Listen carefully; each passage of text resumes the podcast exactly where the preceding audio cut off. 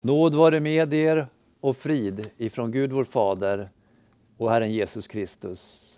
Amen. Hör så Herrens ord i dagens episteltext på söndagens sexagesima. Så skriver aposteln Paulus i det första kapitlet i sitt brev till församlingen från den artonde versen. Ty detta budskap om korset är en dårskap för dem som går förlorade. Men för oss som blir frälsta är det en Guds kraft. Det står ju skrivet jag ska göra det visas visdom om intet och det förståndigas förstånd ska jag slå ner. Var är de visa? Var är de skriftlärda? Var är den här världens ordvrängare? Har inte Gud gjort den här världens visdom till dårskap? Jo, eftersom världen i sin visdom inte lärde känna Gud i hans vishet beslöt Gud att genom den dårskap som vi predikar frälsa dem som tror. Till judarna begär tecken och grekerna söker visdom, men vi predikar Kristus som korsfäst. För judarna en stötesten och för hedningarna en dårskap. Men för de kallade, både judar och greker, predikar vi Kristus som Guds kraft och Guds vishet, ty Guds dårskap är visare än människor och Guds svaghet är starkare än människor. Amen. Herre, helga oss i sanningen. Ditt ord är sanning. Amen.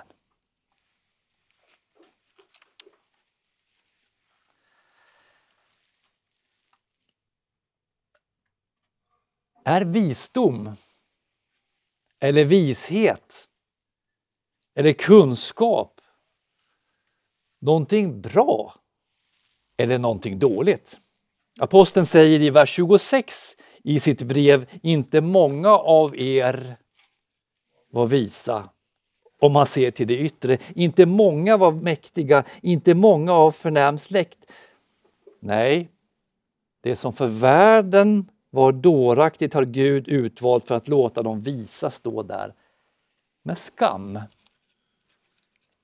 Betyder det att det bästa vore om alla kristna vore okunniga om saker och ting att man inte, eh, och inte förstår saker och ting och att man inte ska försöka förstå saker och ting och förklara hur saker och ting hänger samman. Betyder det att kunskap är någonting skadligt?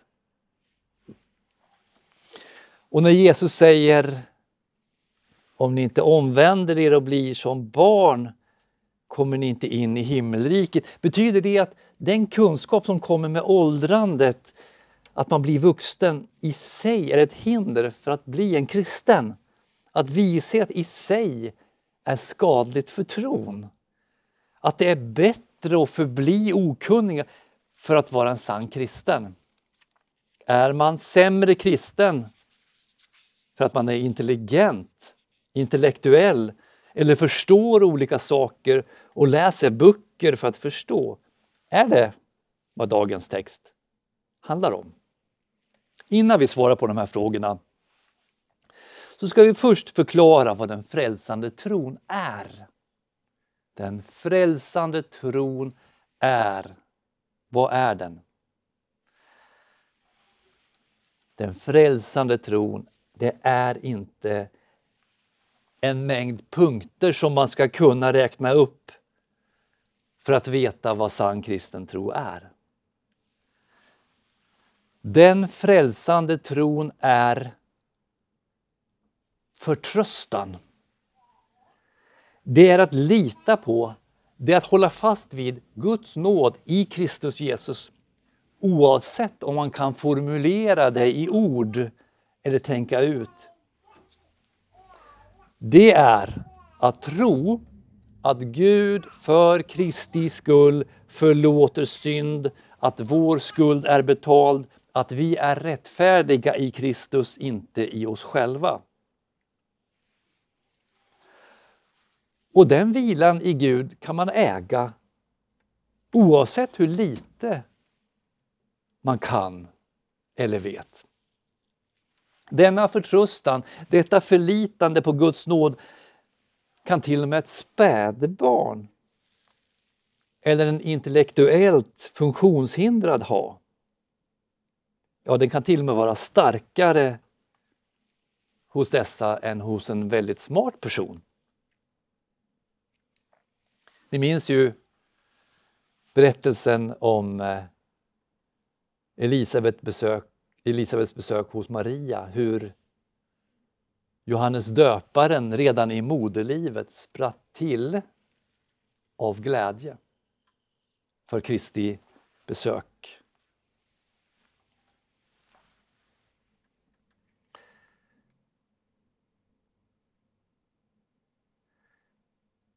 Det är en övertygelse som skapas av Guds ande, tron. Inte genom logik eller funderande, utan genom evangelium i ord och sakrament. Aposteln skriver i det andra kapitlet den, från den första versen. När jag kom till er bröder var det inte med stor vältalighet eller hög visdom jag, som jag predikade Guds hemlighet för er. Jag hade nämligen bestämt mig för när jag var hos er att inte veta av något annat än Kristus Jesus, Jesus Kristus och honom som korsfäst. Svag, rädd och mycket orolig kom jag till er och mitt tal och min predikan bestod inte i ord som skulle övertyga genom mänsklig visdom utan genom en bevisning i ande och kraft. vi ville att er tro skulle bygga på vi ville inte att er tro skulle bygga på människors visdom utan på Guds kraft. Tron bygger på den insikt som Gud skapade oss, hos oss genom Guds hemlighet, genom Guds fördolda visdom. Och vad är det? Det är ju evangelium. Det är ju det glada budskapet. Tron bygger på evangeliet, inte på människors visdom. Men det betyder inte att kunskap, vishet eller logik, förnuft eller böcker är någonting dåligt i sig. Det betyder inte att man inte kan vara en minst lika god kristen för att man är intellektuell, bildad och intelligent. Sann kristendom har aldrig varit antiintellektuell, alltså mot kunskap och bildning. Antirationalistisk, ja, men inte antiintellektuell. Tvärtom faktiskt. Och om man tror att, att, att ateisterna har monopol på förnuftet, då är man helt ute och cyklar. När Bibeln argumenterar mot ateismen så säger den inte de är alldeles för förnuftsorienterade. Utan tvärtom.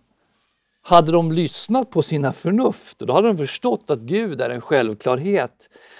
Vad säger Bibeln om ateisterna? De säger, den säger, dåren säger i sitt hjärta, det finns ingen Gud. Det är inte på grund av intelligens eller kunskap som människor förnekar Gud, utan därför att de blundar för vad de faktiskt redan kan se. Romarbrevet 1, vers 19. Vad står det där? Det man kan veta om Gud. Är det uppenbart för dem? Eller bland dem? Gud har ju uppenbarat det för dem. Ända från världens skapelse ses och uppfattas hans osynliga egenskaper, hans eviga makt och gudomliga natur genom de verk som han har skapat.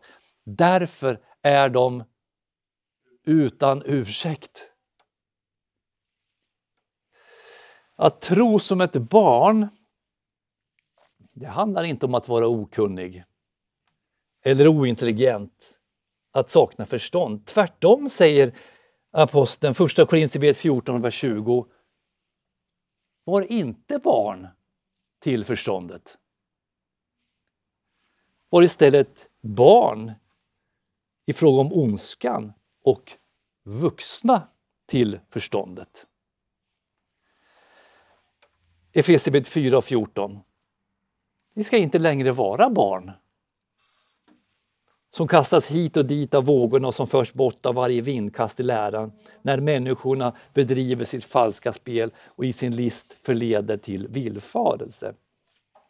Att tro som ett barn eller snarare att omvända sig som ett barn det är att ha den tillitsfulla förtröstan som ett barn har. Den tillitsfulla förtröstan som ett barn har. Att tro som ett barn är att kasta sig i Guds famn. Utan förbehåll, att lita på Faderns kärlek i Kristus Jesus utan alla om och men, att lita på Guds nåd utan att förstå hur eller varför. Och det kan både visa och ovisa genom Guds nåd.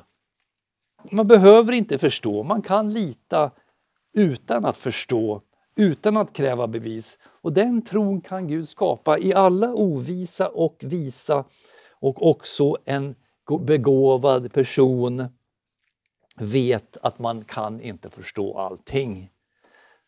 Vad var det Sokrates sa? Han sa så här. Ju mer jag lär mig, desto mindre inser jag att jag vet. Den, gud, den gudomliga, den andliga insikten rymmer sanningar som vi inte kan förstå.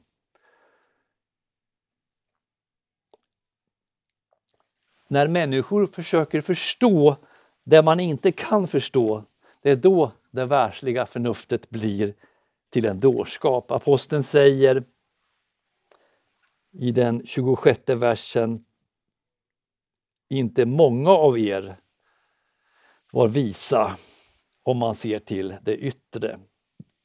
Han säger inte ni var alla ovisa. Aposteln själv var en mycket påläst person. Han har inte bara studerat i flera år under den kände rabbinen Gamaliel. Han var också väl insatt i grekisk filosofi och poesi som han visar i sina samtal med epikurierna och stoikerna på Auropagen i Aten. Den, och det märkte Paulus kunskap och vishet märkte den romerske prokuratorn Porcius Festus när aposteln blev förhörd av honom i Caesarea, Apostlagärningarna 26 och 24. Och den här Festus säger till Paulus, vad säger han för någonting? Du är från vettet Paulus. Din stora lärdom gör dig galen. Paulus svarar, jag är inte galen. Högt ärade Festus, vad jag säger är sant och förnuftigt. Samma apostel säger i dagens text, vers 18, detta budskap om korset är en dårskap för dem som blir förtappade. Men för oss som blir frälsta är det en Guds kraft. För dem som går förlorade är det en dårskap. Men i själva verket är detta evangelium som han kallar dårskap, vad då för någonting? Jo, det är vers 25. Visare än människor. Det är den gudomliga visheten som han beskriver med orden i, i det andra kapitlet och från den sjätte versen. Vad säger han där? Där säger han vishet förkunnar vi. Bland de fullkomliga, en vishet som inte tillhör den här världen. Eller den här världens härskare som går mot sin undergång. Nej, vi förkunnar Guds hemliga vishet, den vishet som är fördold och som Gud från evighet har bestämt att bli till härlighet för oss. Denna vishet denna vishet har ingen av den här världens härskare känt om de hade känt den skulle de inte ha korsfäst härlighetens Herre. Det som egentligen är sann vishet blir i världens ögon, alltså den fallna mänsklighetens ögon, dårskap. Och vad det är för vishet förklarar han i vers 24. Vad är, det, vad är, vad är Guds vishet för någonting? Det står Kristus som Guds kraft och Guds vishet. Evangelius, evangeliet ger oss den sanning som religioner eller filosofier aldrig lyckades klura ut eller förstå. Vad då för sanning? Vad är det för sanning som evangeliet ger som ingen av den här världens människor lyckas lista ut? Det är sanningen att den lydnad som Gud förväntades av oss, förväntade sig av oss men som vi misslyckades med att uppvisa, den fullgjorde Kristus genom att gå in under lagen och lyda den fullkomligt. Som skriften säger, Romarbrevets femte, kapitel och 19 versen. Liksom de många stod som syndare på grund av en enda människas olydnad. Så skulle också de många stå som rättfärdiga på grund av den endes lydnad. Romarbrevet 5 och 19. Guds vishet är att den skuld som vi samlat ihop, den skulden betalade Kristus genom att som vår ställföreträdare låta sig spikas fast vid korset som skriften säger, Kolosserbrevets andra kapitel, den trettonde versen. Han har förlåtit oss alla överträdelser och strukit ut det skuldebrev som med sina krav vittnade mot oss. Det har han tagit bort genom att spika fast det. Spika fast vad då? Vad var det han skulle spika fast? Georg? Skuldebrevet. Räkningarna. Räkningarna, våra räkningar inför Gud, vår skuld inför Gud. Skuldebrevet har han spikat fast på korset.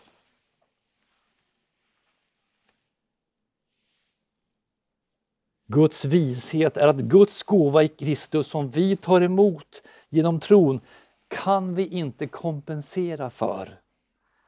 Den är helt gratis. Vi kan inte med vår lydnad eller våra handlingar köpa oss frälsningen. Gud ger oss frälsningen genom evangeliet om Guds nåd och vi tar emot den genom tron. Av nåden är ni frälsta genom tron.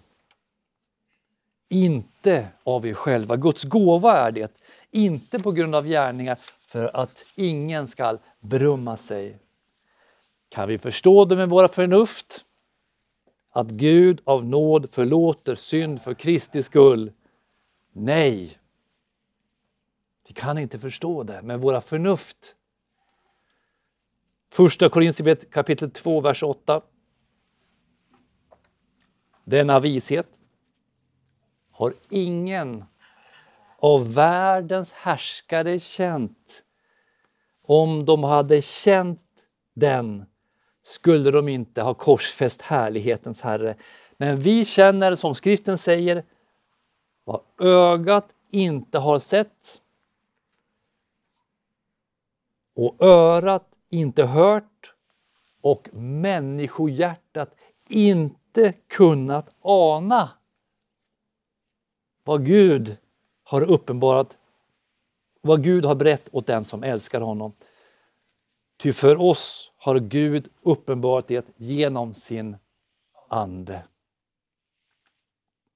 Inför denna upphöjda insikt att Gud av nåd förlåter syndare för Kristi skull genom hans kors, så blir världslig visdom obrukbar, meningslös. Och därför fortsätter aposteln, vers 19. Det står ju skrivet, jag ska göra det visas visdom om intet och det förståndigas förstånd skall jag slå ner. Var är de visa? Var är de skriftlärda? Var är den här världens ordvrängare? Har inte Gud gjort den här världens visdom till dårskap? Jo, eftersom världen i sin visdom inte lärde känna Gud i hans vishet beslöt Gud att genom den dårskap som vi predikar frälsa dem som tror. Slutsatsen är alltså att världen inte lärde känna Gud i hans vishet.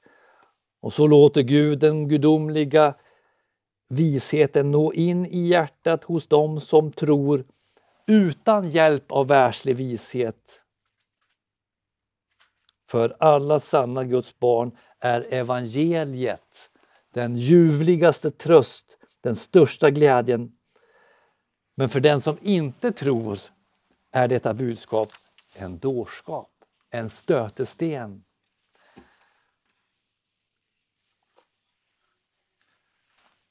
Men det är ju så uppenbart, detta med Gud. Kanske vi tänker, kanske vi säger. Att inte tro det som människor har för sina ögon. Vad gör det med människor? Man ser, man förstår att Gud finns, man förstår lagens allvar. Men man tar det inte för sina ögon. Vad gör det med människor? Det gör människors hjärtan hårda. Romarbrevet 1, vers 21. Vad står det där? Fastän de kände till Gud. De kände till Gud. Prisade de honom inte som Gud eller tackade honom utan förblindades av sina falska föreställningar så att mörkret sänkte sig över deras oförståndiga hjärtan. De påstod att de var visa men de blev dårar.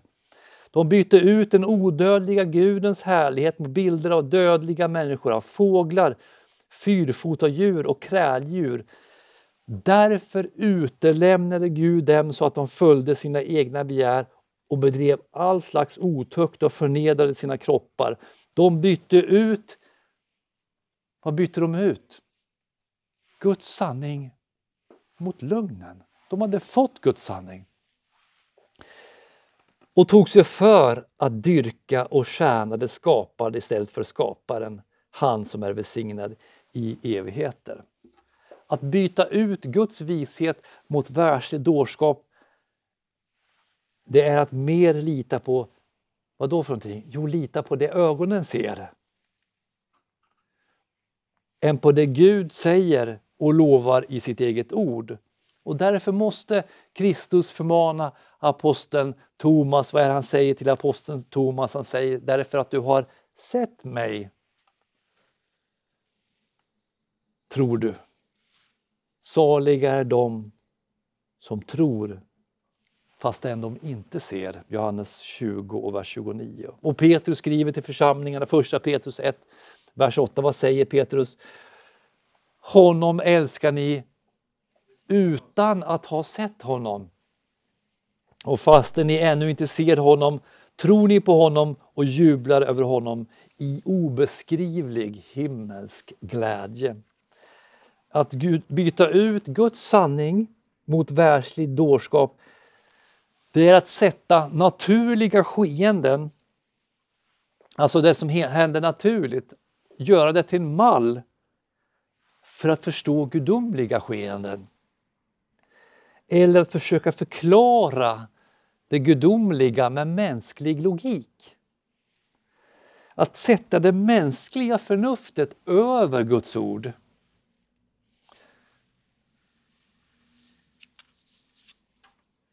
När händer det då? Ja, vi, kan ge, vi kan ge några exempel på när det händer när man sätter mänskligt förnuft eller mänsklig logik över Guds ord.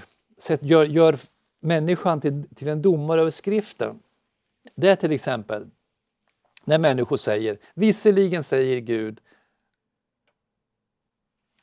eller, eller, när människor säger till exempel så här, Gud vill att alla människor ska bli frälsta. Alla människor blir inte frälsta. Hur ska man förklara det? Antingen beror det på människan, att människor inte blir frälsta, eller så beror det på Gud, att Gud inte vill att alla människor ska bli frälsta. Hur svarar, hur svarar Guds ord på, på en sån spekulation?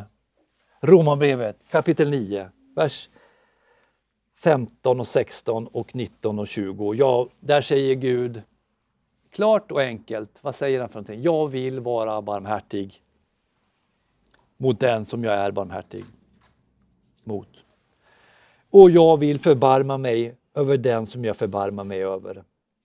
Alltså beror det inte på någon människas vilja eller strävan utan på Guds barmhärtighet.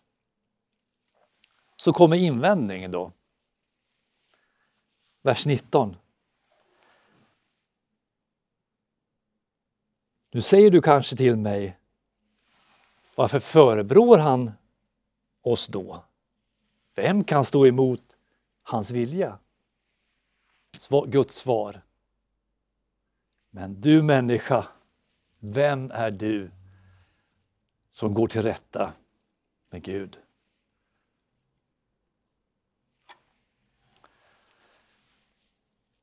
Man sätter det mänskliga förnuftet över Guds ord också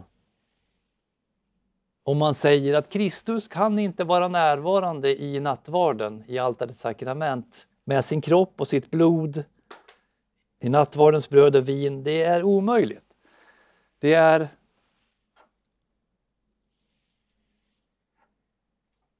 Det är inte möjligt.